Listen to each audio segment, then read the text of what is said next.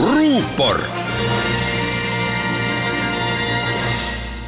tere, mina olen ajakirjanik Ainar Ruussaar ja täna räägin piirangutest.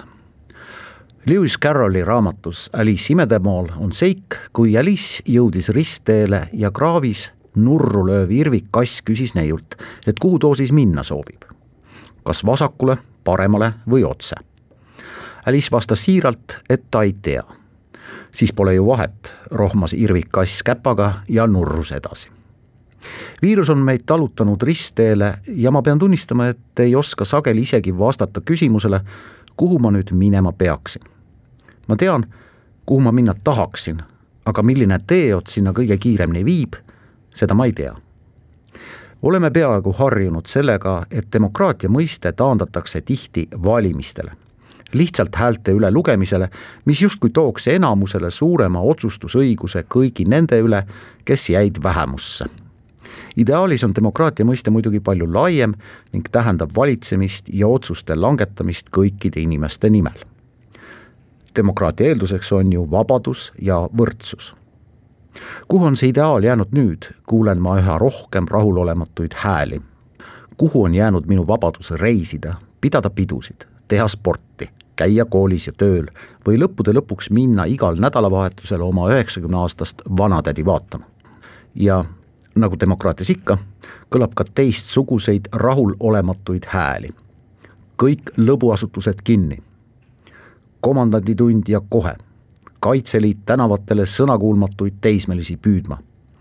maskita siseruumis viibimise eest türmi ja siis on veel väikene ignorantne vähemus, kes usub kas kõrgema jõu kõikvõimsusesse või ei usu siis mitte millessegi.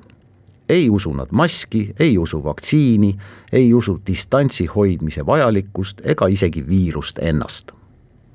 kõiki neid arvamusi oleme me kohanud ühismeedias ja tavameedias. see on ju vaba ühiskonna tunnus küsimused, mida ilmselt ka paljud teist on enesele viimase aasta jooksul esitanud, kõlavad pealtnäha lihtsalt kui palju piirata, mida piirata, keda piirata ja muidugi, kuidas piirata. vastused on hoopis keerulisemad. olen kuulnud ka sellist.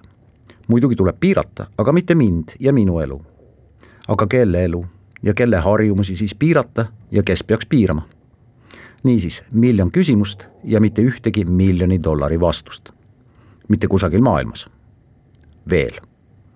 seevastu on igapäevaselt palju arve nakatunute, haiglakohtade, lähikontaktsete, vaktsiinikoguste ja ka surnute kohta. Need arvud hakkavad ajudele ka kõige külmema närviga inimesele. vaba ühiskond eeldab lisaks vabadusele ka tarkust seda vabadust mõista ja mõtestada. vabadusest loobuda on lihtne, las keegi teine otsustab ja mina saan siis alati tema otsused hukka mõista. tegelikult eeldavad vabadus ja tarkus ka viisakust politsei ja poodide turvamehed võivad lõpmatuseni kontrollida maskide kandmist ja teismeliste kogunemisi. sellest võib sündida isegi teatud tulu. aga veelgi suurem tulu tõuseb sellest, kui me viisakate inimestena paneme poodi minnes maski ette, isegi kui seal pole peale minu ja müüja ühtegi hingelist.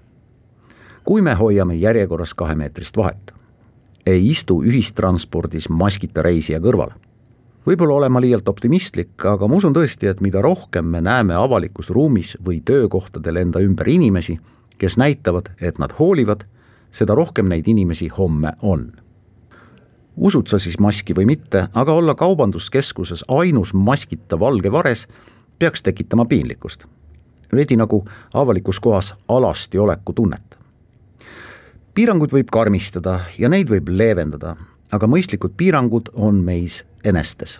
piirangud minus eneses ja piirangud sinus eneses.